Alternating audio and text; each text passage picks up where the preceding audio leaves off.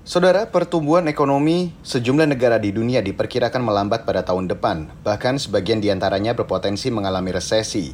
Resesi adalah kondisi ketika ekonomi tumbuh negatif dua kuartal beruntun dalam tahun yang sama atau lebih. Faktornya antara lain pandemi COVID-19, perang Rusia dan Ukraina yang berdampak pada krisis pangan, energi, dan keuangan. Situasi itu direspon sebagian besar bank sentral di dunia dengan menaikkan suku bunga acuan guna menahan laju inflasi. Inflasi adalah salah satu tanda dari terjadinya resesi. Menteri Keuangan Sri Mulyani Indrawati memprediksi dunia hampir pasti akan mengalami resesi pada tahun depan. Bank Dunia sudah menyampaikan kalau bank sentral di seluruh dunia melakukan peningkatan suku bunga secara cukup ekstrim dan bersama-sama maka dunia pasti mengalami resesi di tahun 2023. Inilah yang sekarang sedang terjadi, yaitu kenaikan suku bunga oleh bank sentral, terutama di negara-negara maju secara cukup cepat dan ekstrim, dan itu pasti akan memukul pada pertumbuhan ekonomi negara-negara tersebut. Di tanah air, sejumlah antisipasi dilakukan untuk meminimalkan dampak buruk ancaman resesi, antara lain dengan menjaga dan mengoptimalkan modalitas serta kekuatan domestik yang dimiliki Indonesia. Menurut Wakil Presiden Maruf Amin, upaya ini untuk mengantisipasi pembalikan arus modal dari negara-negara berkembang ke negara-negara maju – Selain itu, pada triwulan 2 tahun ini, lebih 50% produk domestik bruto berasal dari konsumsi rumah tangga. Kekuatan domestik yang perlu kita jaga antara lain adalah konsumsi dalam negara dalam negeri dan UMKM yang menjadi penyokong pertumbuhan ekonomi.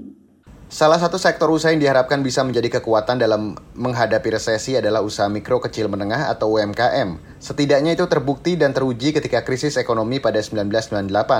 Semisal UMKM sektor kuliner seperti warung Tegal atau warteg. Tetapi UMKM harus diperkuat agar dapat menghadapi gejolak ekonomi global. Sekretaris Jenderal Asosiasi UMKM Indonesia atau Akumindo Edi Misero meminta pemerintah harus mengambil peran penguatan tersebut. Bang resesi dunia itu sudah mulai. Di luar itu udah luar biasa tingkat inflasi. Bahwa itu akan masuk ke Indonesia, yes.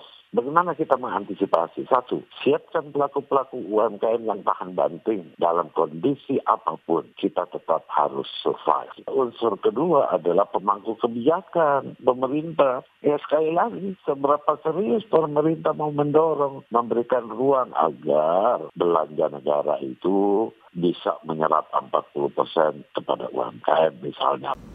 Pemerintah berupaya merespon permintaan dan harapan dari UMKM. Bentuk respon itu antara lain dengan memfasilitasi industri-industri kreatif dalam negeri termasuk UMKM untuk terus berkembang dan memperluas jaringan pemasaran. Menurut Menteri Pariwisata dan Ekonomi Kreatif atau Menparekraf Sandiaga Uno, kolaborasi UMKM dengan dunia usaha diharapkan bisa membuka jutaan lapangan pekerjaan yang diperlukan untuk menghadapi tantangan inflasi dan resesi. Pelatihannya sudah dimasukkan dalam bootcamp. Jadi uh, Pak Neil uh, dan kami, saya sendiri sebagai super mentor, memberikan kiat-kiat menghadapi resesi. Dan resesi yang kita prediksi tahun depan ini bisa kita atasi kalau kita perkuat UMKM.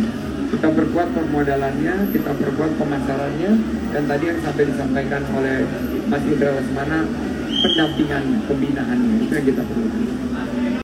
Berdasarkan analisis Direktur Eksekutif Center of Reform on Economics atau CORE Indonesia, Muhammad Faisal, tak cukup hanya penguatan industri dalam negeri untuk menghadapi ancaman resesi.